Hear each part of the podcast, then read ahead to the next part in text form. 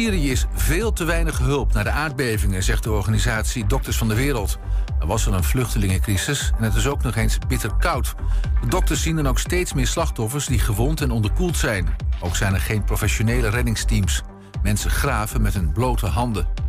Een Britse agent die 12 vrouwen had verkracht, had zeker 32 jaar de cel in. Hij is een van de ergste Syrië-verkrachters ooit in Groot-Brittannië.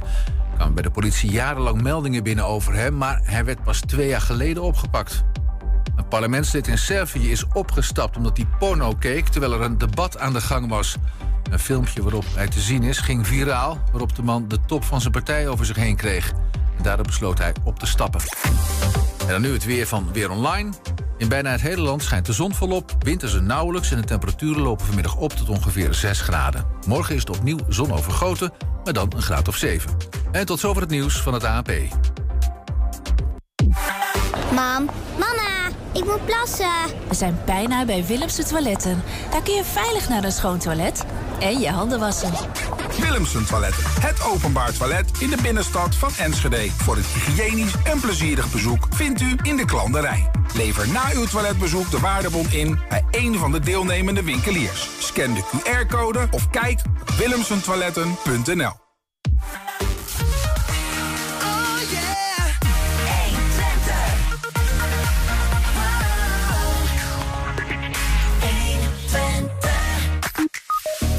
Boekhandel Broekhuis is 155 jaar. Reden genoeg om eens door de jaren heen te gaan met eigenaar Kees Schafrad. De aardbeving in Turkije en Syrië domineert nog steeds alle voorpagina's. Het merendeel van de Twentse Turken hebben roots in het gebied dat door die aardbeving is getroffen. Zo ook uh, Meltem Halasseli, die we spreken over het gebied waar hij eigen moeder vandaan komt.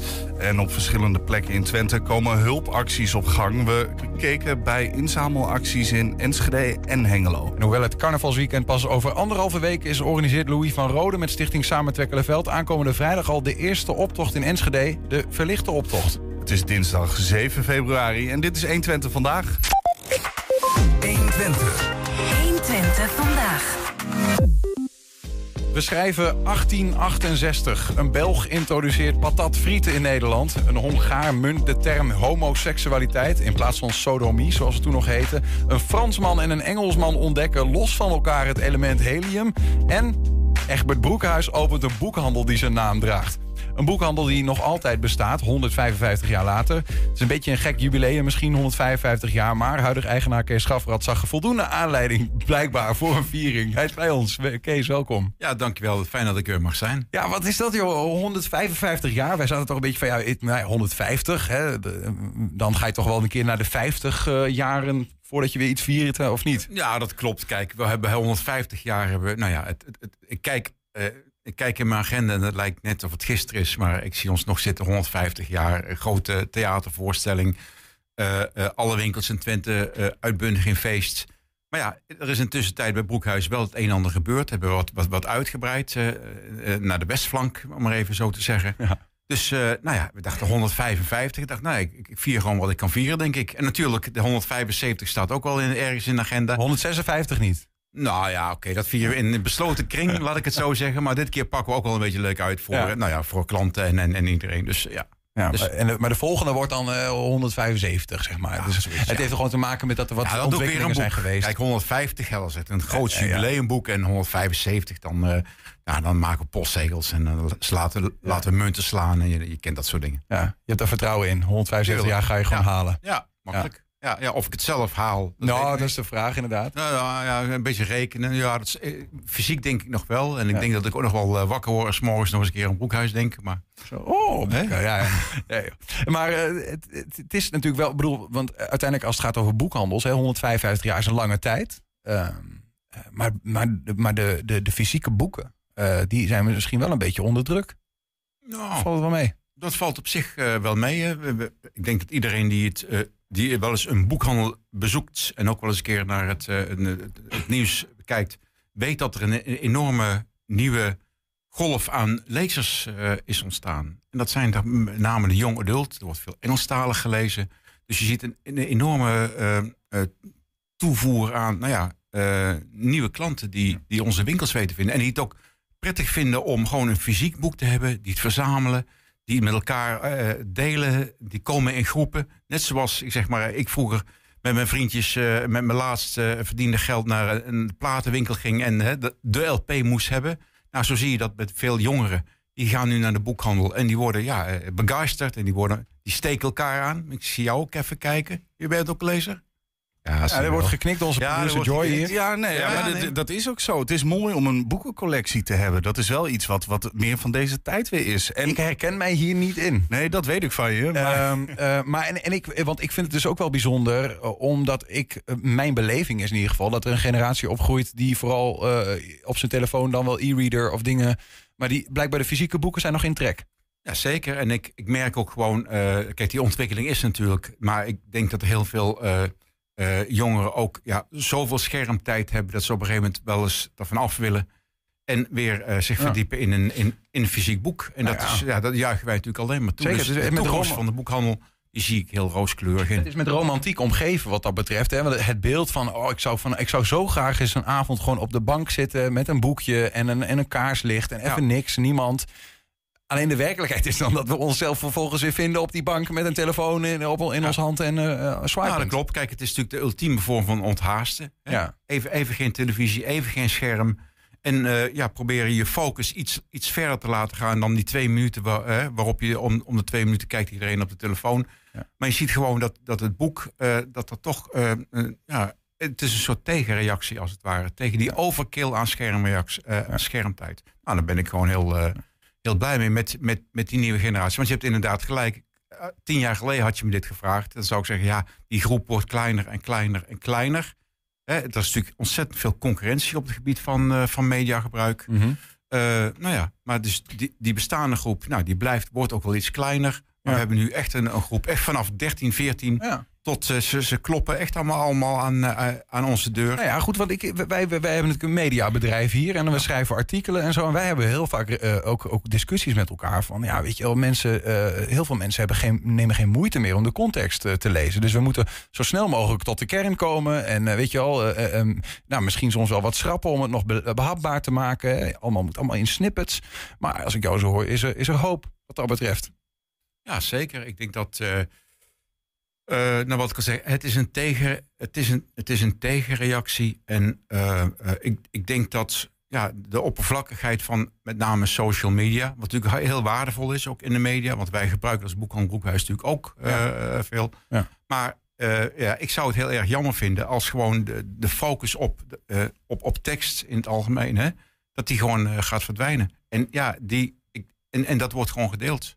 Dus mooie verhalen er, er, er, er is, uh, het, het, is een, het is een mooi artikel om te delen, om te verzamelen. Ja, ja. En uh, nou ja, ik ben heel blij dat de jonge doelgroep. En het is echt waar, het is vanaf ja, die nieuw, nieuwe doelgroep noem ik dan maar eventjes de jonge adult en de nieuwe adult. Het is vanaf 13, 14. Ja. En in tegenstelling tot vroeger krijg ik allemaal uh, te, mailtjes van meisjes van... Ik ben bijna 15 en ik zou zo graag, ook al mag ik bij u alleen maar de boeken van A naar B dragen... Dus dat je ziet, je zegt van alle hoeken en gaten zie je de, wat wij de jong adult ambassadeurs uh, aan onze deur kloppen. Er zijn ook geen e-readers, dat zijn gewoon fysieke boeken. Nee, het gaat ze ook helemaal niet om, om van waar kan ik het ergens voor een euro goedkoper krijgen. Nee, ze willen het halen. Het is een uitje. We gaan, hè, uh, we gaan naar Broekhuis en we gaan, uh, we gaan scoren. Ja. Nou, ja, goed. Wat, het, het, is leuk om zo meteen ook nog even. We hebben wat afbeeldingen om in de geschiedenis te duiken. Maar nu weer toch, want ik raak er enthousiast van, merk ik. Dat je um, uh, dat, dat fysieke lezen. Omdat we hebben nu natuurlijk een nieuw fenomeen in de wereld. Waarvan sommige mensen zeggen het is de nieuwste revolutie. Namelijk een, een robot die gewoon tegen je terugpraat en hele teksten uitspuugt. Ik heb uh, tech uh, visie, visie, hoe zeggen de mensen die visie hebben, gehoord. Die zeiden: we krijgen straks een wereld waarin, er, waarin je gewoon aan een computer vraag: geef mij eens een verhaal waar ik van hou. En dan schrijft hij dat. Uh, gewoon een boek voor je. Gewoon random. Hier heb je wat. Um, uh, en dat zou natuurlijk de boekenwereld uh, kunnen bedreigen. Maar daar heb je, daar, ik weet niet of je daarover nadenkt. Nee, kijk, ik, ik, ik, ik denk er natuurlijk wel over na. het is inderdaad zo dat nu, nu zien we echt de gevaren hè, van die AI, die artificial intelligence. Hè. Dus als je zegt, ik ben 12 jaar en ik moet een werkstuk over mijn kat uh, kortharig schrijven. Nou, daar kan er best een, een, een bruikbaar A4'tje uitkomen. Hè? Maar als je nou zegt, ja, je hebt een, een, een roman met allerlei gelaagdheden, uh, persoonlijkheden, ontwikkelingen. Nou, het, het, het zal best mogelijk zijn dat, dat er iets kunstmatigs eh, eh, eh, bestaat wat het kan vervolmaken. Maar ik denk toch dat, dat, dat het, het menselijk brein, dat dat, dat dat toch wel, dat zoekt namelijk de verrassing. Hè?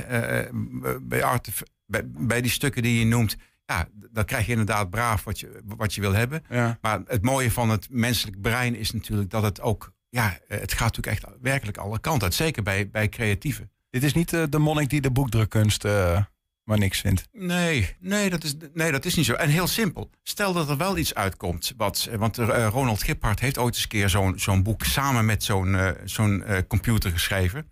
Nou, dat kan. Nou, als, als het heel goed is, nou ja, dan, dan, eh, dan, dan, dan wordt dat uitgegeven en dan Ja. wordt dat verkocht. Ja, Ja. Het, het kan allemaal. Ja. Maar ik denk, dat er, er is een overvloed aan, aan prachtige boeken. Hè, je ziet ook alle verfilmingen. Dat- Nou ja, eh, eh, dat is allemaal gebaseerd op, op teksten, op boeken.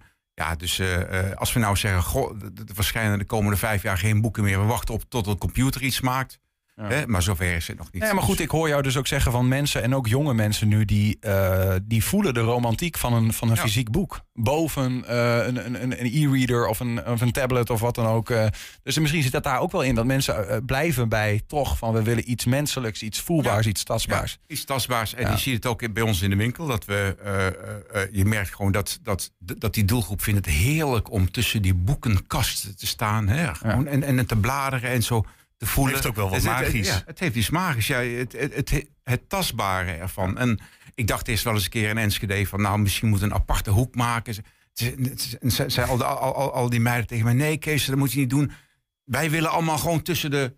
Nou ja, grote mensen boeken. Gewoon Wij willen gewoon tussen die normale boekhandel. We moeten niet een aparte hoekje van maken. Nee, we willen gewoon een beetje Notting Hill eh, gevoel eh, eh, ervaren. Dat vind ik toch, toch interessant. Ja, ik wacht ook nog steeds op Julia Roberts, maar ik doe mijn best. Als je gewoon blijft bij je leest, zeg maar, en dan, dan, is het, dan, dan komt het gewoon goed. Nou, Kees, laten we even een, een, de 155 jaar in vogelvlucht nemen. Dit is de man die het allemaal veroorzaakt heeft. Ja, die man heeft, die kwam uit, uit Almelo, en eh Egbert Broekhuis. En eh, eh, die heeft in 1868 is die, heeft in Hengelo eh, zijn eerste winkel op 7 februari. Dus het is inderdaad vandaag de dag. Vandaar gebak beneden. Ja, Gefeliciteerd. die, die heeft, het, die heeft de- zijn deuren geopend. En dat was in, in die tijd natuurlijk niet zo'n boekhandel zoals we die nu hebben. Dat, hè, zoveel werd er nog niet gelezen en, en gedrukt. was vaak ook een, een, een, een winkel erbij, een, een, een, een drukkerijtje erbij, een boekbinderij. Dus al die boekhandels die allemaal in die tijd zijn ontstaan... dat zijn altijd van die eh eh, gemeentebedrijven. Mhm. Maar allemaal wel boek, papier gerelateerd. En nieuws. Dus je zag vaak dat... dat, nieuws ook, ja. ja, ja, ja, bijvoorbeeld in Almelo waar we Hilarius eh, hebben. Dat is natuurlijk ook een onderdeel van Boekhuis.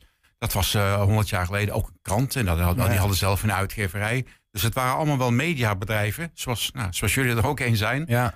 Maar die eh Egbert is dat in 1868, eh, eh, nou heel kleinschalig is dat begonnen. Waren er meer boekhandels in die tijd dan nu? Nou, nee, hij was de, nee, hij was de eerste. We zijn ook, Mensen hadden ook niet zo heel veel geld, denk ik, over het algemeen. Nee, nee. Kijk, eh, in die tijd was natuurlijk eh, eh, eh, boeken, dat was natuurlijk echt iets heel bijzonders. Dat was echt voor, voor de happy few. En zeg maar tot de jaren twintig van de vorige eeuw. Ja, eh, boeken, ja, dat, dat, er waren wel leeszalen. en je kon wel eens een keer wel lenen. Kwam ook pas later. Mhm. Maar in principe eh, werden boeken gelezen door mensen die een goede opleiding gehad hebben. Ja. Ja, die had je niet zoveel. Nee, precies. Dus dat was, het, was echt voor de, het was echt een niche artikel. Dat is in deze tijd nog steeds. Hè? We zien een plaatje van eh, Hengelo, Broekhuis Hengelo in 1900. D- Ja. Ik denk niet veel veranderd aan de omstandigheden in die tijd. Nee, nee dat, is, dat is echt zo. De eerste, eerste 20, 30 jaar is dat gewoon gelijk gebleven. Er kwamen twee zoons van hem kwamen daarin. En die hebben tot de jaren 50 hebben, die hebben dat. En het was een aparte eh, drukkerij en een aparte binderij. En de boekhandel was eigenlijk een soort etalage. Ja. Dat, zo, zo moet je het gewoon zien. Eh, eh, stap in de tijd, jaren 80. Ook weer diezelfde winkel in Hengelo.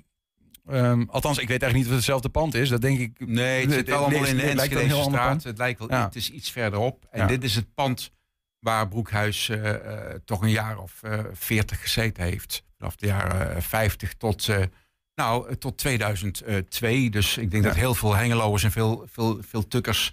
die kennen deze winkel aan de Enschedese straat op twee etages. En ja, daar, daar is eigenlijk Maar daartussen is een heleboel veranderd, neem ik aan. In, in hoe, wat Broekhuis in 1900 was en in 1980. Dat zijn twee, zullen twee verschillende... Dat is, ja, dat is wel gegroeid. Op een gegeven moment is er een, ehm, een andere familie gekomen in de jaren 50. Het, het was echt een beetje op sterven na dood. En toen kwam er eh, zeker eh, Cor van der Maar. En die eh, Cor van der Maar, eh, eh, die heeft ja, de boek al eh, professioneler gemaakt. En dat komt eigenlijk ook doordat vanaf de jaren 60, 70 kreeg je natuurlijk massa-onderwijs. Hè, de mammoetwet. Dus op een gegeven moment eh, kon, eh, werd het, eh, eh, het boek niet, niet alleen maar een niche-product, maar werd het gewoon een, een algemeen publiek eh, Ja. eh, product. Iedereen ging naar school. Je zag ook dat die pocketboekjes kwamen Precies. op. Ja. Dus het was voor iedereen was dat eh, eh, beschikbaar. Ja. En nou, dat groeide dus enorm. En Ja. daarom groeide die winkel ook mee. Ja, ja, dat kan ik me voorstellen. Je hebt eh Broekhuis echt door zoveel jaren heen ook gehad. Is er dan ook iets waarvan je denkt, dit is echt mij, mij ook bijgebleven bij bijvoorbeeld iets wat gebeurd is in het oud pand of een boek wat je daar had? Nou ja, wat leuk is, is niet zozeer eh, eh, de boeken, maar wij hebben ehm, eh, eh, een week of twee, nou laat ik zeggen, volgende week woensdag komt er een medewerker. Die is verleden jaar na 49 jaar bij ons aaneengesloten, eh gestopt. Pensioen, dat zijn echt een generatie die kwam op een 15e, 16e binnen. 49 jaar gewerkt met pensioen. Die komt volgende week, heb ik gez- gezegd, ja, je moet een mini-comeback maken. Want eh, eh, volgend jaar, dan wil ik gewoon dat je 50 jaar bij ons in dienst bent. En dat soort dingen, dat soort dingen blijven maar bij. Kijk, eh Boekie heeft natuurlijk wel... Je gaat niet Eh, over Mikkel Steuben, toch? Nee, nee, Het nee. is nog weer- Ja, die is, Die is, ook lang geweest. Ja, die er ook- zijn allemaal van die lange blij, ja, blijvers. ja, ja, we, we Ja. eentje die nog van 47. Ja. Dus, maar gewoon het feit dat, dat eh, Broekhuis maakt natuurlijk onderdeel uit van het, ja, het culturele landschap van, van Twente. Ook een, een van de oudste winkelbedrijven. Maar het mooie vind ik gewoon dat we hele lange, ja, hele lange werkrelaties met onze mensen hebben.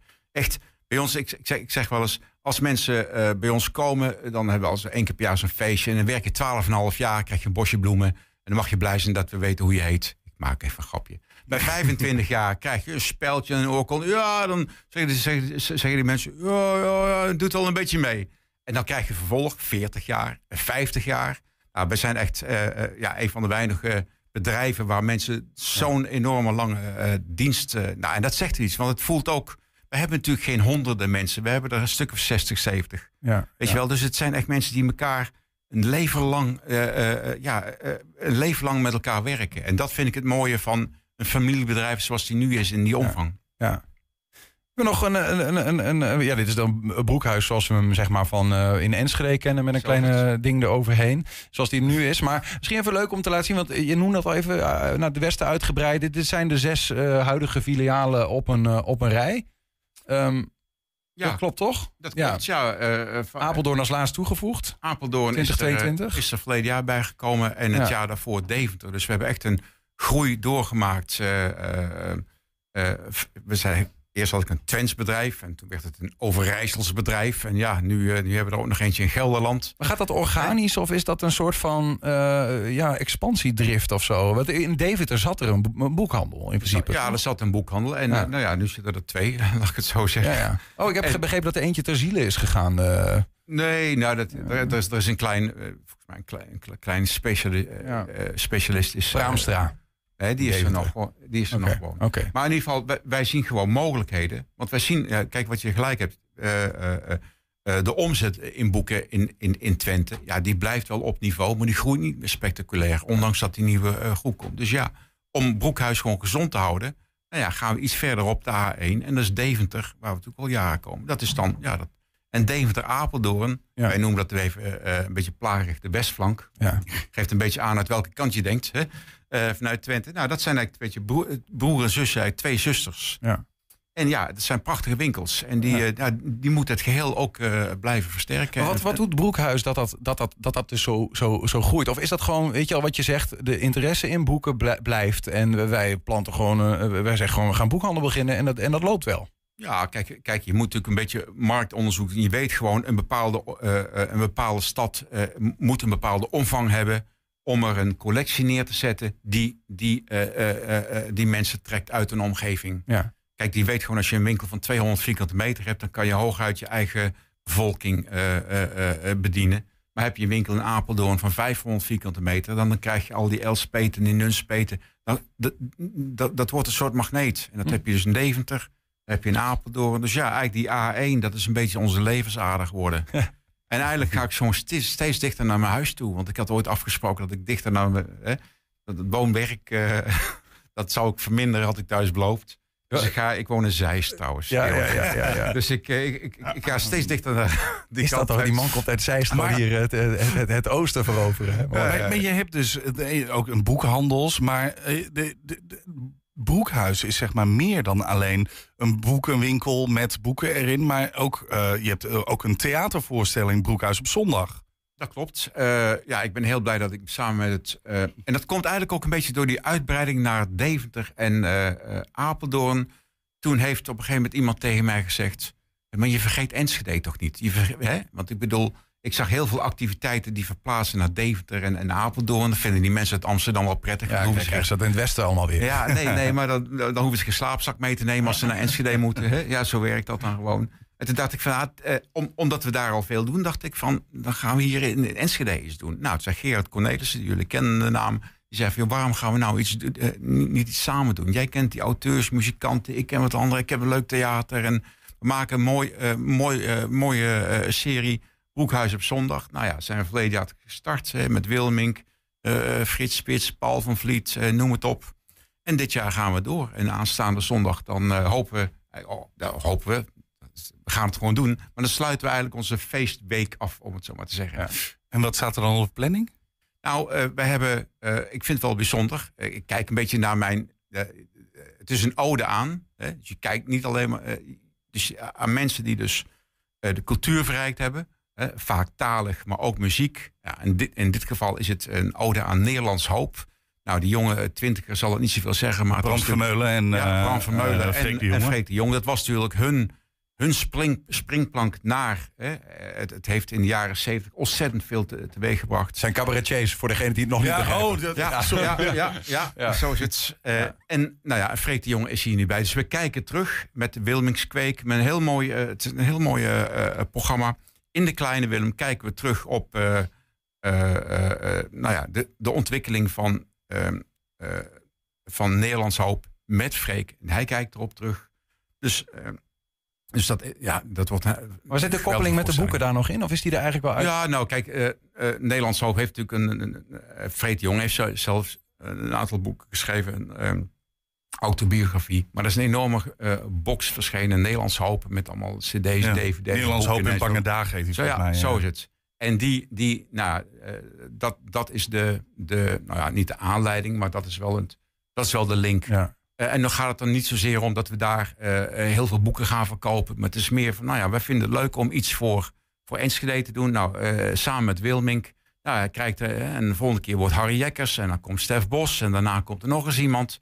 Dus het zijn wel mensen van naam die ik dan persoonlijk ja, wel ken. En waarvan ik denk, nou, daar ga ik als samensteller een, een voorstelling omheen maken. Ja, ja. Niet alleen maar, niet alleen maar eh, eh, op het schild heffen, maar ook een beetje plagen. Is dat een investering of verdien je daar ook nog wat aan? Nee, ik verdien er niets aan. Nee. Nee, het is, dat is, eh, Investering in, in, in de stad, in de cultuur, in de... het is omdat we het leuk vinden. Ja, Daarom doen we het. Eigen- Ja. Eigenlijk kunnen deze dingen helemaal niet uit. Nee. ziet wat er allemaal s'morgen krijg het draaiboek. Nou, s'morgens lopen de technici. Ja, eh, eh, eh, maar het doet er niet toe. Nee. Wij, vinden het, wij vinden het leuk om te doen.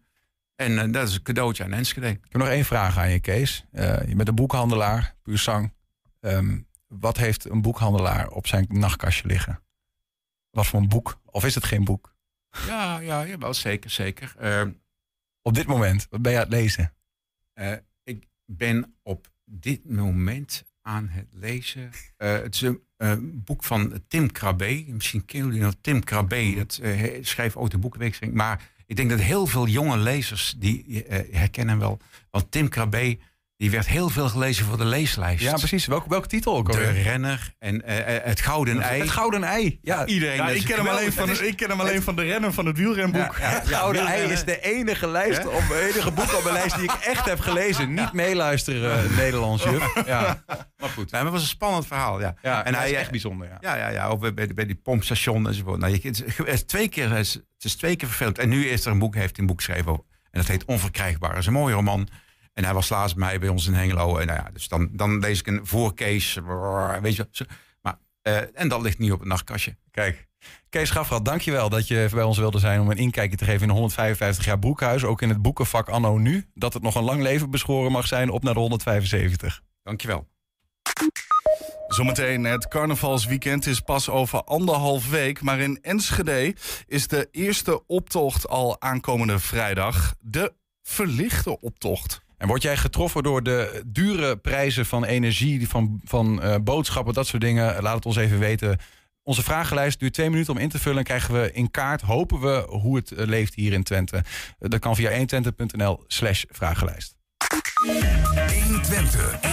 120 vandaag. De aardbeving in Turkije en Syrië domineert nog steeds alle voorpagina's. Het merendeel van de Twentse Turken hebben roots in het gebied dat door de aardbeving is getroffen. Zo ook meldt hem Halaseli. Haar moeder is geboren in Antakya of Antiochië, een zwaar geraakte stad in de zuidelijkste provincie Hatay. Straks spreken we met haar. Eerst zien we hoe de hulpverlening vanuit verschillende plekken in Twente op gang komt, zoals bij Stichting Taap in Hengelo. Het is een enorme aardbeving en uh, je kan nog niet bevatten hoe groot uh, het leed is en de schade. Uh, wij willen graag eigenlijk in ons gebied hebben wij niet echt heel veel hulp. Wij die mensen horen daar stemmen onder de puin, onder de puin, maar niemand kan helpen. Ja. Dus wij hebben gehoord heel goed dat 65 personen vanuit Nederland naar ons gebied gaan. Ja. Wij zijn blij mee. Maar ook niet genoeg. Wij willen graag genoeg. ook uh, Nee, hier nee. uh, ongeveer 30 mensen uh, hebben ze aangemeld bij ons. Mhm. Ze willen graag naar onze gebied gaan, even helpen. mensen zijn nu praktisch op straat, hè, dus hun huizen zijn verwoest. Er is gebrek aan deken, kleding, medicijnen. Wat is nog meer Pampers. hygiëne, slaapzakken.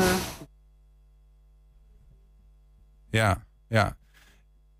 We, nou ja, we zagen dus die video vanuit Hengelo bij, bij Taap inmiddels aangeschoven, meldt hem Halaseli. Die we ook in de, in de video ook uh, terugzagen, meldt hem welkom. Dankjewel voor de aandacht.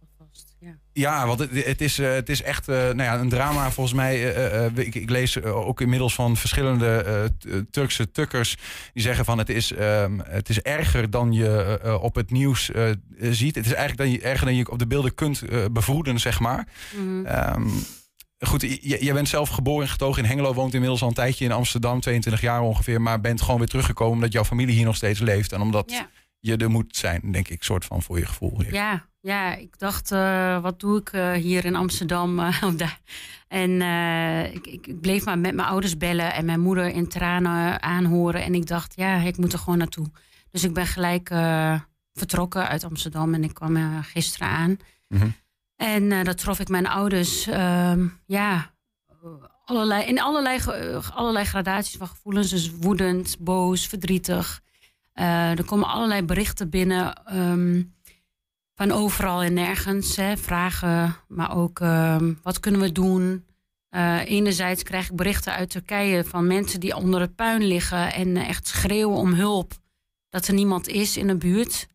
Kinderen, die, hè, beelden van kinderen op, die je ziet op het Turkse nieuws. En het, ook Syrisch nieuws trouwens, dat mogen we niet vergeten. Waar hulp nog moeilijker is. Um, ja, dus ik ben eigenlijk in een soort van uh, permanente staat van uh, stress uh, terechtgekomen. Dat, ja. dat je gewoon, het leven staat even stil. Dus ik kan gewoon eigenlijk niks anders meer dan alleen hiermee bezig zijn. En uh, met een gebroken hart tegelijkertijd. Want ja, ik ben daar niet geboren. Maar ik ben zo vaak geweest in dat gebied. Ja. En ja.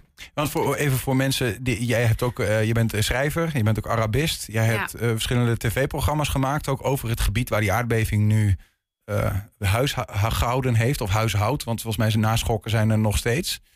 Was het maar waar. Nee, ik ben meegeweest met Bram Vermeulen op een documentaire. Dus ik heb niet zelf tv-programma's gemaakt. Maar ik heb wel meegeholpen inderdaad, ook in dat gebied. Dus ook in Antakya. En ja.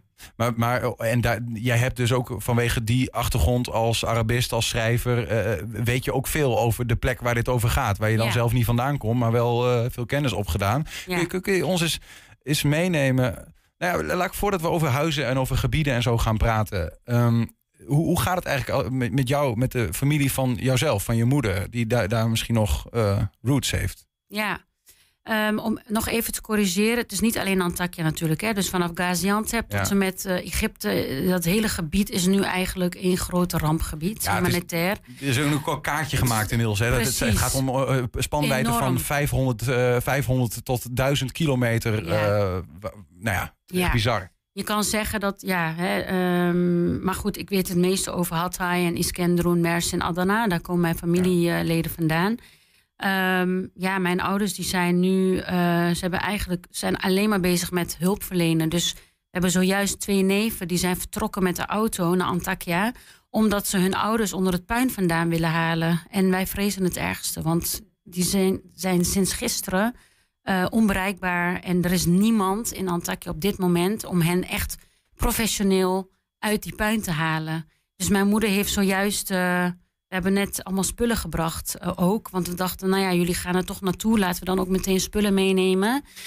Eh, ja, en, en ik vrees het ergste, want. ehm, ja, je weet het gewoon niet. Ik, eh, wat Ja, een- ja, nee, ik snap sorry. het. Snap het ja.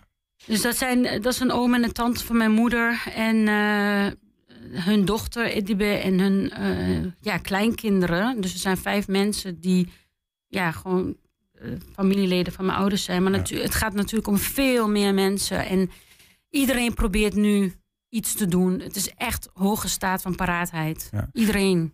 Ehm, Ja. Er is inmiddels eh, een, een nacht eh, overheen gegaan. Eh, er wordt natuurlijk ook veel over gesproken. Het is daar eh, koud. Ja, Ehm, Sneeuw. Zoals, zoals eh, bij ons, maar het is daar ook eh, koud en het is Ja. winderig. Eh, die mensen hebben geen eh, plek. Oh, Ze durven niet hun huizen in. Hoe is dat afgelopen nacht eh, eh, gegaan? Ja, mensen slapen in auto's. Ik heb gehoord een andere groot oud-om van mijn moeder... die heeft, ehm, heeft het overleefd. ehm, en die heeft een... eh, ja, ze hebben een bus geregeld. Een touringcar, grote bus... waar mensen de nacht hebben doorgebracht... waarin ze hebben geslapen. En ehm, heel veel mensen slapen nu midden in de stad. In Antakya Park is dat. Hè? Dat is een heel groot... Eigenlijk een speeltuin met cafeetjes. Maar daar slapen mensen nu gewoon onder de de bomen en eh, op buiten. En eh, ja, met de kleren die ze aan hebben. Want, En dat zijn pyjama's, hè. Ze hebben geen... Hun kleren zijn weg, Het schoenen midden, zijn weg. midden in de nacht. Midden eh, in de ging nacht. het mis. Ja, dus Ja. dat was om een uur of vijf. En ja, dan zit je natuurlijk niet in je, in je jas of zo aangekleed. Dus Nee. ze hebben niks meer. Het is ijskoud. Ja. Ik begreep inmiddels eh, zo- zo'n 80 naschokken zijn ook eh, ge- gevoeld. Ik, hoe is dat nu? Eh, ja, dat is echt overwhelming bijna. Want dat, Ja. is, dat is natuurlijk waar de angst ook zit. Mensen durven ook soms hun vrij oude huizen niet meer in. Ehm, want ja, je weet niet wat er nog komt. Ja, weet je daar iets over? Is, is, er, is daarin is de aardbeving tot rust gekomen? Of zijn mensen gewoon nog in een soort van constante onzekerheid ook wat dat betreft? Ja, ik denk beide. Maar mensen zijn ook eh, onwetend. Maar dat is niet, aan, dat is niet hun schuld. Eh, er is gewoon al bekend bij de eh, hulp en bij de, bij de overheid dat er. Hè, dat, dat, dat, hoe noem je dat? Die scheuren. Die, die platen. die platen, hè, dat, dat daar een aardbevingsgevaar is altijd. En mensen weten gewoon, komen er zo laat achter. En je hebt, ik heb beelden gezien van mensen die op het moment dat er een, naschok plaatsvindt, dat ze gewoon nog op een gebouw staan, proberen hun familieleden te redden. En dat ze ineens weg moeten rennen. Dat is toch niet normaal? Dat is ongehoord. Eh, dus ik, ik wil hier niet woedend zijn en mensen aanwijzen, maar er is echt. eh, het is ook een politiek verhaal. En Te weinig bekend geweest bij de mensen. het is te weinig bekend geweest. eh, het is veel te weinig op voorbereiding. En dat zeg ik niet, maar dat zeggen alle Turkse mensen die, eh, nou ja, die hier nu iets over te zeggen hebben. Ehm, en dat, dat is gewoon. En je hebt mensen die zeggen: ja, het is gewoon ehm, de regering die ons vermoordt. Hè, dus, dus, dus heel, heel naar. En eh, totaal geen vertrouwen meer. Dus maar met, met, ja. met- daarmee zeg je dat de regering een zekere voorbedachte raden heeft gehad om huizen niet Nou, aardbevingsklaar te maken. Of, dat hoor je mij niet zeggen. Vermoord is wel een sterke term. Ja, dat natuurlijk. klopt. Maar dat is ook natuurlijk in, de, in het moment gezegd en uit Ja. woede. Eh, maar het geeft aan dat er weinig vertrouwen is. En ook in hulporganisaties eh, die geleerd zijn aan eh, de overheid. En men is, kijk, ik krijg ook vragen binnen van mensen die zeggen: ja, wij gaan hier nu allerlei inzamelingen, acties eh, uitvoeren. Maar waar gaat het naartoe? Ja. Ehm, Hè, want we, eh, men Niet echt vreest. vertrouwen in de, in, de, in de landelijke overheid daarin. we, we- ze zijn bang. Kijk, wat, wat ik zie, want ik wil graag vanuit feiten spreken, is dat Ja. bijvoorbeeld op dit moment de oppositie naar Atay vertrekt. De oppositie. Hè, dus Jay Happer, de Cumhuriyet Halk Partisi, met een team. En dat, en dat de hulp komt vanuit gelieerde oppositiepartijen. Dus de burgemeesters van steden die hè, gekozen zijn vanuit die partij, die bieden hulp aan aan sommige gebieden. Ehm, en, en andere gebieden die worden ehm, ja, weer anders geholpen. De- maar goed, dat weet ik niet hoe dat allemaal precies nee, zit. Maar eh, wij maken, ja, mensen maken zich zorgen dat, eh, dat niet, en, en dat is wel zo, niet overal, niet alle gebieden worden bereikt. Dat heeft ook te maken met eh, personeelstekort, denk ik, logistiek probleem. Ehm, ja, wij zijn heel blij dat Nederland eh, vanochtend is hopelijk in, in Adana is aangekomen. Het heavy team. Alleen dat is niet genoeg. En wij zijn heel blij eh, met, met, met, de met de apparatuur die er is gestuurd. Hè, Ja. dat, het heavy team. Ehm, alleen er is meer nodig. Ja. Dus, dus echt... Ja. ja. Er komen. ehm, en dat, dat staat in, in een schril contrast natuurlijk tot het drama wat daar is. Maar er komen wel eh, hulpacties op gang. We zagen net al even de hulpactie vanuit Taap in, eh, in Hengelo. ja.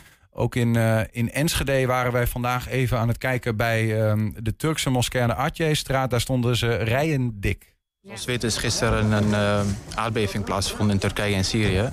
Dus hebben we van ons eigen initiatief eh, zijn we dan spullen gaan verzamelen om daar dan op te sturen. We hebben allemaal app eh, gestuurd, mail gestuurd. We hebben eigen eh, WhatsApp-groepen. Vandaar hebben wij ja, doorgegeven eigenlijk. Wat wij allemaal nodig hebben. Ik kom eh, hulp bieden, want ja, het is gewoon verschrikkelijk wat er gebeurd is. En dan krijg ik zo'n gevoel van wat, wat kan ik doen? Dus ik ben hier spontaan naartoe gereden toen ik zag dat hier een eh, inzamelpunt was. En eh, ik dacht, ik ga helpen. Je ziet ook beelden natuurlijk dat de mensen daar, ja, mensen in de puin, mensen worden nog gevonden. Dus wij proberen nu echt te doen wat we kunnen doen. En er zijn echt best wel veel vrijwilligers hier, dus ja, we, kunnen doen wat we kunnen doen. Ja. Ook heel veel Nederlandse eh, mensen hebben ons ook gebeld. Ik weet niet waar ze vandaan gekomen met een nummer. Of, eh, moskee hebben ze gebeld. We hebben mij gebeld. Mijn Turkse bu- eh, Nederlandse buren hebben allemaal gebeld. Wat kunnen we doen? Wat kunnen we betekenen? En dat maakt me echt blij. Kippenvel. Ik krijg kippenvel. En echt, ik hou me echt tegen om te, om te huilen. Ja, ik eh, voel het precies hetzelfde. En het maakt mij ontzettend trots dat er zoveel hulp is. En de, ehm, ja, op dit moment ook in Hengelo en, overal in het, in het land. En, en ik hoop dat echt zo snel mogelijk dat die hulp eh, daar terecht komt. Ja, ja. En dat dat gewoon, eh, ja, dat, ja, dat de overlevenden in ieder geval iets van ehm, noodhulp krijgen. Warmte. Ja, warmte en Ja. eh, eten. En er is ook tekort Voelen ze aan- dat? Voelen ze dat erna en wat omgezien? Of is dit allemaal, eh, is, is het daar ook gewoon overlevingsstand? Het is wel overleving. We kregen net een, een bericht van mijn eh, nichtjes, eh, of nichtje en haar kinderen, neefjes. Die drinken nu regenwater. Ja. Ehm, er is geen water. Ehm, en sowieso, je kan geen water uit de kraan drinken. Dus eh, supermarkten zijn vernietigd, zijn verwoest. Ehm, ja, staatsziekenhuis is eh, verwoest. Dus je kan ook geen medicijnen krijgen. Ehm, dus er is een tekort aan kleding, eh shelter suits. Hè, dat heb ik ook net gehoord. Dus dat zijn echt sterke jassen tegen Ja. de winter. Matrassen, dekens, schoenen, handschoenen, mutsen. Alles wat je van kleding, pampers, hygiëne eh, spullen, maar ook vrachtwagens. Dat wil ik ook zeggen, want we hebben nu ook heel veel spullen. Het pelt nu uit in Hengelo. De, het gebouw is te klein geworden. Ik, Ja. Dat hoorde ik net. Dus mensen zijn nu alle spullen buiten aan het zetten. Dat is ook niet goed. Opslagruimte. Dus er, nodig, er is geen opslagruimte. Ja. En er moet gewoon een grotere plek gevonden worden. En ook een plek waar een vrachtwagen naartoe kan komen. Want dat is op dit moment eh, midden in een woonwijk. Ehm, en dat, ja, dat zie ik ook niet echt. eh, Dus ergens is het heel mooi dat het, dat het uitpelt. Maar er is nu nog weer ja, eigenlijk middelen nodig om dat allemaal op te kunnen vangen. Ja, en ehm, ja, er moeten dus inderdaad vrachtwagens komen, die moeten, er moeten vergunningen komen. Ehm, er zijn mensen die onafhankelijk daar naartoe willen gaan. En dus onafhankelijk van andere hulporganisaties. Ja. En ja, die, die zijn nu zelf aan het uitzoeken hoe en ehm, wat. Er zijn eigenlijk net, eh, ze zijn binnen twee dagen een soort NGO opgestart. Je, je hebt zelf ook een, eh, een actie gestart, toch? Als in een soort van een crowdfunding eh, via GoFundMe. Ja. Is, is dat een soort van, ja, ik, wat, ik, wat moet ik doen? Ik ga dat maar doen. Of heb je nog een soort van specifiek ja, Ja. doel voor het geld? Of hoe, Nou ja, ja, ik dacht ik moet gewoon iets doen. En je voelt je zo machteloos. En Antakya is dan ineens ontzettend dichtbij. Ja. Ehm, dus ik heb dat in een impuls ben ik dat gestart. En De link kunnen mensen vinden op onze website Ja. 120.nl in het artikel. Dan vertel ik maar vast even voor als je wil funden, dan kan dat. Ja. Heel fijn, ja. En ik wil ervoor zorgen dat het echt ook naar Hatay gaat. Ehm, en nou ja, het gebied. De getroffen regio. De getroffen regio, eh, waar, waar niet zo makkelijk hulp komt. Nee. We- Ehm, Ne- Neem ons even mee, Maar- Meltem. Want, want eh, je, je hebt daar die, die rondreis ook gemaakt. Eh, je je bent, bent wel kenner van dat gebied. Eh Antioch, of, eh, Antakya, eh, noemen Antiochië, dat ken ik als een hele oude stad. Ehm, wat is dat voor een plek? Want de, Hmm. daar zijn eh, gebouwen die nou ja, van alles hebben overleefd, die zijn nu ingestort. Ja. Schets ons even. gebouwen. Ja, ik, dat is ook, ehm, nou ja, wat ik ook echt vrees. Want het is zeg maar de plek waar ik naartoe ging als, in mijn, eh, hè, tijdens mijn kindertijd en jeugd. En waar ik mooie herinneringen heb. Het is een historische stad. Eh, het lag op de zijderoute. Het was een voormalig, je kan zeggen, waar je nog de Osmaanse sfeer een beetje proeft. Omdat het, eh, het, staat ook bekend als de stad van de beschavingen. Christendom, jodendom, Alewieten wonen daar, Soenieten, vredig samen. Dus van allerlei stromingen, ehm, verschillende religies, ehm, vredig met elkaar. En ja, de karakter van de stad is denk ik nu gewoon eh, verdwenen. Want het, eh, het, ja, die, dat, die, die oude gebouwen waar je het net over had... eh, die ons doen denken aan, nou ja, voordat de Turkse Republiek was opgericht. Het, en El Hatay is heel laat toegevoegd aan de Turkse Republiek. Mhm. Pas in 1939. Dus het heeft heel lang nog die oudheid of die, die, die sfeer kunnen behouden. Maar die zijn nu ook verdwenen. Ja. En eh, ik las dat de protestantse kerk is ingestort. Ehm, ja, dat is wat, eh, wat At- Antakya maakt. Hè? De, de kerk, de moskee en de, de tombes van de Alewieten. Ja. Ehm, Ja. ja. Ja, ja het, is is, eh, heel...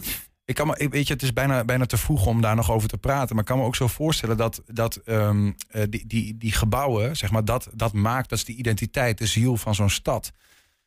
Ehm, dat dat, dat, dat, eh, als, dat dat weg is, wat, wat doet dat met een, met, een, met een volk dat daar leeft, zeg maar? Ja, ja. Kijk, mensen maken een stad. Dus ehm, dat is het allerbelangrijkste. Als de mensen er nog zijn, dan weet je, je kan het altijd weer opbouwen. Alleen, ja, een historisch gebouw dat neerstort, dat is ehm, Nee.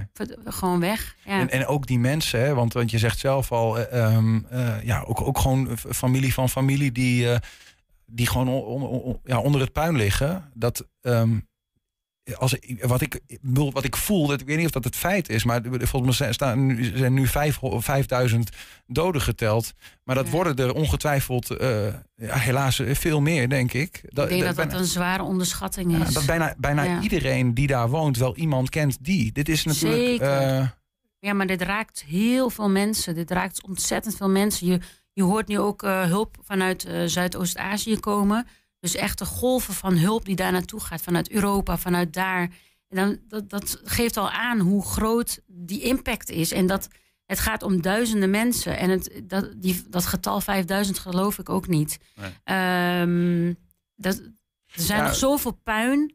En mensen ja, je weet niet hoeveel overlevenden en hoeveel eh, mensen omgekomen zijn. Het gebeurde midden in de nacht. Hè? Ja. Dus mensen zaten in die gebouwen allemaal. Ja, Ehm, we- eh, jou- jouw moeder is ook een bekende He- Hengeloer. Hè? Eh, Ze heeft een, eh, twee kapsalons. eh Halaseli, eh Mufide Halaseli in dit geval. We kennen hem ook vanuit Enschede, de, de kapsalon.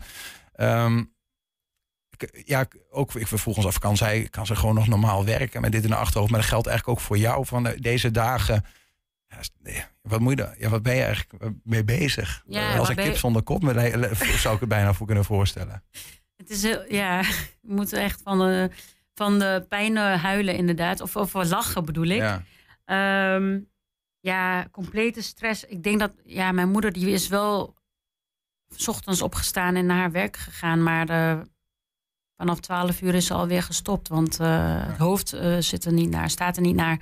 En ja, mijn vader die is ook eh, helemaal ja, uit zijn doen. En ik heb geen routine meer. Ik stond op en ik dacht, ik ga even douchen, aankleden en zo. Nou, vergeet het maar. Ik had pas om een uur of twaalf. En kleren, weet ik veel wat. Nou ja, ik stond alleen maar te bellen. En ik krijg overal berichten vandaan van... hé, hey, wat kunnen we doen? Dit Ja. kunnen we daar naartoe? Hoe zit het? Eh, wat heb je nodig? Ehm, ja, waar ehm, eh, hebben we vrachtwagens nodig? Wat, ja, weet je, het is gewoon één grote... ehm, het is zo overweldigend dat je eigenlijk... eh, ik kan nergens anders meer aan denken. En ik ben in een soort parallel universum gekomen. Onwerkelijk. Onwerkelijk, ja, Ja, ja. Dat je niet kan bevatten. En wat jij ook net zei, het is veel groter dan we denken. Want nog steeds zijn de gebieden niet bereikt. We krijgen daar geen nieuws uit. Ehm, ja, via Twitter komen we soms, mm, weet je, eh, iemand eh, die iets net kan plaatsen terwijl die onder de puin zit. Maar er, zijn geen, er is geen hulp, er is geen media daar. Nee. Eh, bijvoorbeeld Samanda heeft niemand over. Eh, Antakya, ehm, het, dat gebied. ehm Arsus. ja. En daar liggen nog allemaal dorpen en gehuchten en eh, die gewoon niet enorm- bereikbaar zijn. Enorm, een enorm gebied. En, en Ja. Kijk, jij bent eh, eh, een van die eh, Turkse tukkers, zeg maar. Je woont wel in Amsterdam, maar dus, en, Ja. en er zijn dus eh, gewoon ook heel veel Turken in Twente, met mensen met roots daar, hè, Ja. die, dit- die dit voelen. Hè, wat jij nu vertelt, Ja. die in deze staat, eh, of, eh, state of mind zijn op dit moment. Die, ehm, en eh, we vroegen ons ook af, ja, hoe zit dat eigenlijk, dat die mensen vooral ook naar hier zijn gekomen, zeg maar. Hè, dat die- dat die daar vandaan komen. Wat is de, de koppeling tussen die twee gebieden, wat dat betreft?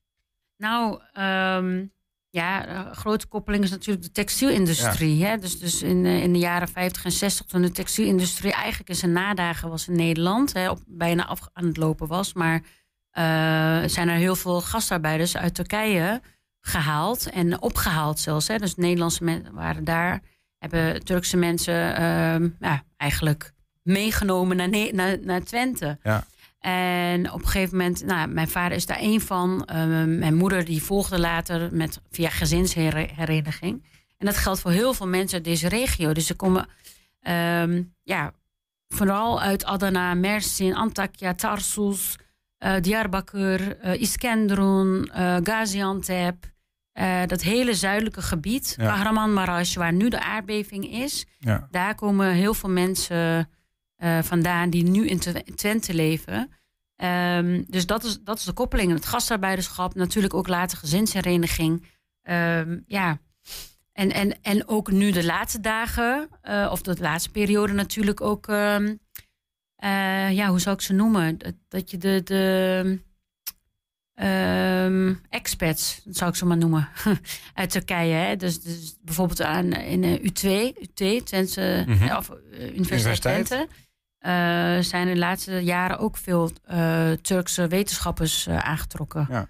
En ja, dus dit gebied is gewoon ehm, Ja. ook van ons. Ja, ja, precies. Nee, maar dat, maar dat, dat, dat, dat zegt ook dat Ja. er. Dat er ehm, nou ja, dat, dat maakt die, geeft die, die broederschap of dit norberschap misschien wel, die je nu ziet ontstaan in de Twentse steden en dorpen. Hè, die geeft dat nog een extra kleur misschien wel. Van, Ja. eh, dat, dat, Zeker, ja. Het is een Ehm. hele grote rijkdom. En er wonen hier ook Syrisch-orthodoxe, Armeense mensen. Eh, nou ja, een heleboel Turkse Alewieten, maar ook Arabische Alewieten. ja. eh Soenieten. Nou ja, als ik die, weet je, het is een hele palet aan mensen wonen hier. Um, om, om het gesprek eh, af te gaan ronden. Want dat Ja. moet ook een keer. eh, um, Jammer. Ja, Ja. ik, ik kan me voorstellen dat het fijn is om ook van je af te praten. En het is ook heel interessant om te horen. Dank ook voor je openheid hier. Hoe lang meldt hem, denk je nog, in, in, in, blijf jij in Twente? Of ben, je- ben je daarmee bezig? Of is het gewoon van, ik ben nu hier en wat morgen brengt, dat is morgen? Ja, het is een beetje dat laatste. Ik leef echt van dag tot dag. Ik heb mijn collega's aan de UvA even on hold gezet. Mijn leven daar is even gestopt. Ehm, en ja, alle begrip ervoor. Maar, ehm, maar het is ja, voor mij de vraag of ik misschien ook naar Turkije ga. Om echt ook te zorgen dat. eh, want ik krijg heel veel vragen van: hey, jullie zijn een campagne begonnen voor Hatay. Ehm, en ja, in Antakya. Dus ik voel ook een beetje die verantwoordelijkheid dat dat daar naartoe moet gaan. Ja. En ehm, ja, dus dat, dat is nog een groot vraagteken. Ja, ja, ja. Of ik dan hier blijf of daar naartoe ga of terug naar Amsterdam. Ik weet het voel, je, even voel niet. je de, voel je de, de, de, de, de urge? Voel je, de, voel je dat je erheen wil? Dat je, dat je nog meer, omdat je vanwege die machteloosheid van ik moet. Ja, Ja, ik- het is heel dubbel. Enerzijds denk ik ja. En anderzijds denk ik, ja, maar ehm, ga ik het dan niet daar voor andere mensen moeilijker maken? Of eh, eh, komen we überhaupt dat die gebied plek. Ja, in? weet wegen zijn verwoest natuurlijk. Ja. Ja. dus komen we daar... eh, ik weet het niet. Nee. Maar ik, ehm, ik, ik sprak er net over met mijn moeder. En mijn moeder zei van, je moet gaan. dus eh, die, Ja. die, die, die wil graag... ja, dat wij daar nu echt ter plekke mensen helpen. En eh, aan kleding en, en alles wat er nu nodig is. Medicijnen, ja. Veel wijsheid eh, bij, bij, bij, bij die keuze, maar überhaupt eh, heel veel sterkte. Nog even goed om te noemen, mensen die spullen willen doneren aan die Ja. stichting TAP, hè, waar we het over hebben gehad. Ja. Eh, beelden van hebben gezien, die spullen brengen, die kunnen daarvoor iedere dag tussen 9 uur s ochtends en 11 uur s avonds terecht. Dus aan de Groenhofstraat 45A in Hengelo. Het gaat dan om kleding, schoenen, dekens, dekbedden, luiers, handschoenen, sjaals en powerbanks. En we horen net ook vrachtwagens. Ja, vrachtwagen, shelters, suits. precies. ja. Niet, geen voedsel, dat is... Oh, nog één ding. Mag ik dat nog even één ding toevoegen? Want mijn moeder zou mijn moeder niet zijn als ze ook een actie gaat starten. Eh, ze gaat een knipactie eh, doen. Dus eh, gratis de hele dag knippen. En, of nou ja, gratis als donatie. En dat, op, dat geld wat opgebracht wordt ook ja, voor de hulp Kijk. inzetten. Gewoon een vrije gift. En dan word je Ja. geknipt door Mufide. Ja. Mooi. Meltem uh, Alessedi, dank voor je, voor je verhaal. Voor je openheid hier. En sterkte. Eh, voor Dankjewel. jou, voor je familie en voor de mensen nou ja, die daar omheen eh, staan. Dankjewel. Jij ook sterkte. Ja, dank. We zijn ook als podcast te luisteren. Dat kun je via alle bekende platformen vinden. Je vindt daar hele uitzendingen. Maar ook bijvoorbeeld zoals dit item kun je daar vinden op 120 vandaag uitgelicht. En heb je een tip voor de redactie? Dat kan natuurlijk ook. Mail dat dan naar info.120.nl 120. 120 vandaag. Nog ruim anderhalve week tot er weer een weekend lang... Ja, het is wel een overgang hoor. Deze. Ja, nee, het is een hele flinke, dit het is een hele flinke. Oké, eh, nee, hoeven we de koptelefoon niet per se op te hebben. We gaan eventjes eh, omschakelen, want we gaan het hebben over iets heel anders. Eh, De, het carnavalsweekend 2023 barst bijna los. Eh, niet aankomend weekend, maar het weekend daarna.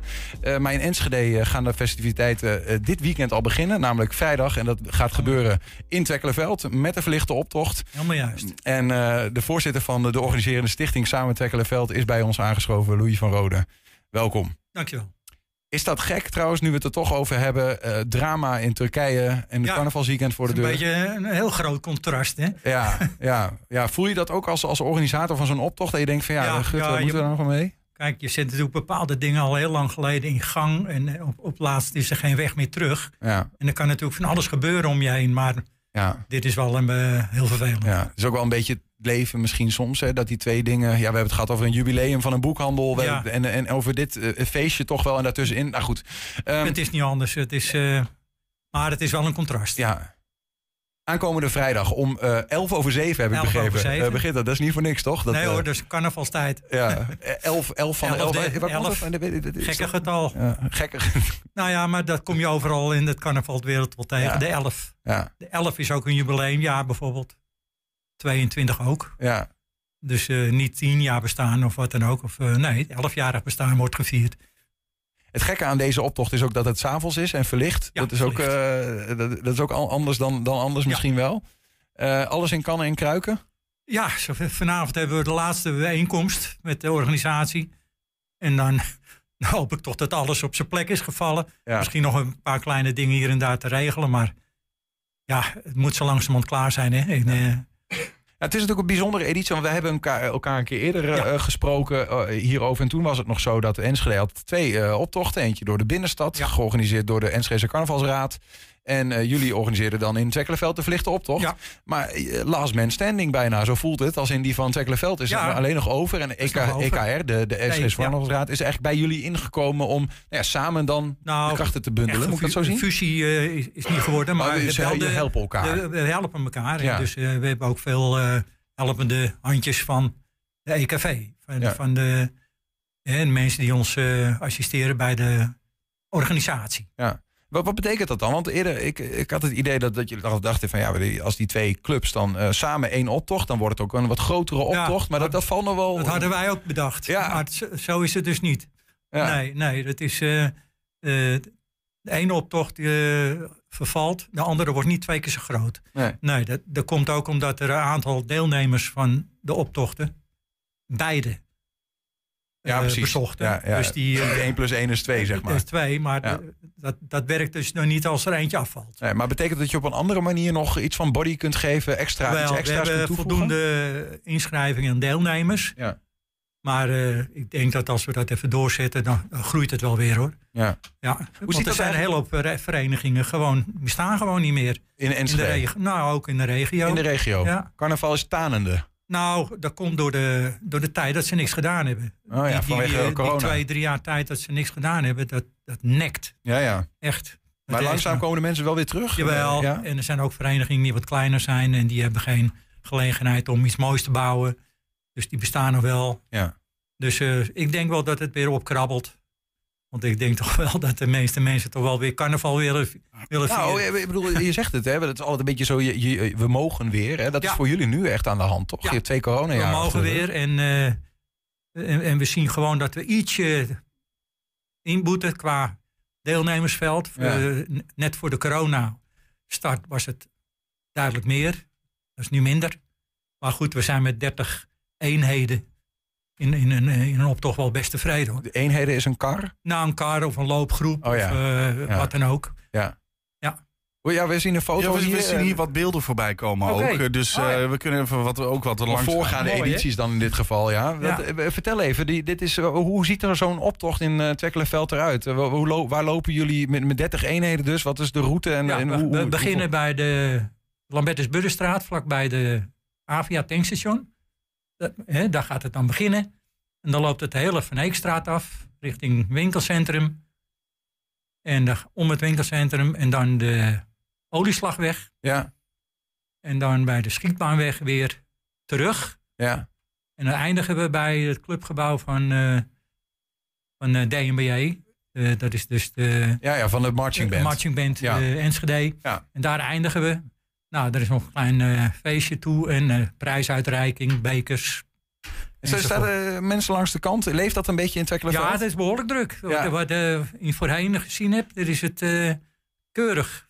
Want is Twekkelenveld dan zo'n eh, beetje een vreemde eend in de bijt wat dat betreft? Want en, ja, goed, ik wil daar niet eh jinxen de hele tijd. Maar Enschede is voor mijn gevoel, ik ben hier opgegroeid, toch wat Ja. minder een carnavalstad dan dat bijvoorbeeld Ol- Oldenzaal. Het is ook logisch vanwege de niet-katholieke achtergrond, Eh, om het zo te zo. zeggen. En in, in de stad was het beduidend minder dan Ja. bij ons. Maar in Twekkelenveld is gewoon een hoempapa, hutsekere, Ja. alaaf. Ja. Ja. En eigenlijk ken ik het niet anders, want ik ben natuurlijk geen ingezetene van Enschede. Dat- dat hoorden Of, we. Niet geboren, maar woon hier al een tijdje. Ja. Maar elke keer wat ik met de optocht meemaak, Ja. is dat die, eh, ja, vooral de Vrijstraat en helemaal net naar achteren naar de winkeliers eh, toe, zeg maar de winkelcentrum toe. Nou, dat is eh, geweldig. Dat staat rijen dik.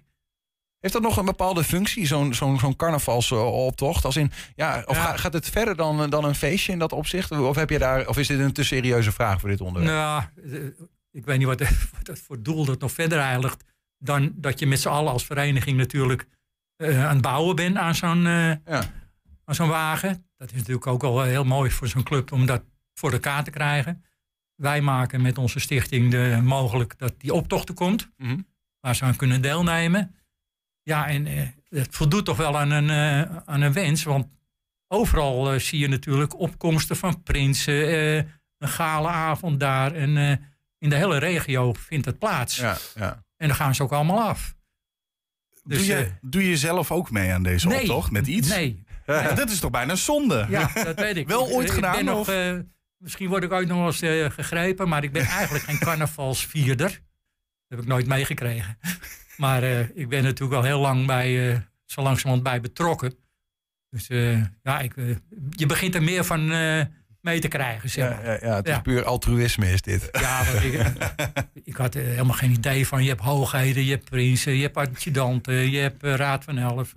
Eh, Ik word ook van elk, alles elk, en nog wat. elk jaar hebben we het er weer over. Elk jaar moet ik mezelf weer even inlezen. over Hoe, hoe zat dat nou? Hoe zit het ook alweer? Ja, ja, nou, ik begin het nou wel een beetje door te Maar waarom doen jullie het dan? Is dat ook een soort van gekke traditie eh, dat jullie de, de, de vrijdag voor het carnavalsweekend doen? Dat is volgens mij sinds eh, eh, 2014. Doen jullie dit? Ja, dat is altijd zo geweest. En dat deden we expres of met voorbedachte raden. Dat we de eerste wilden zijn. Ja, ja. De eerste verlichte optocht ook nog.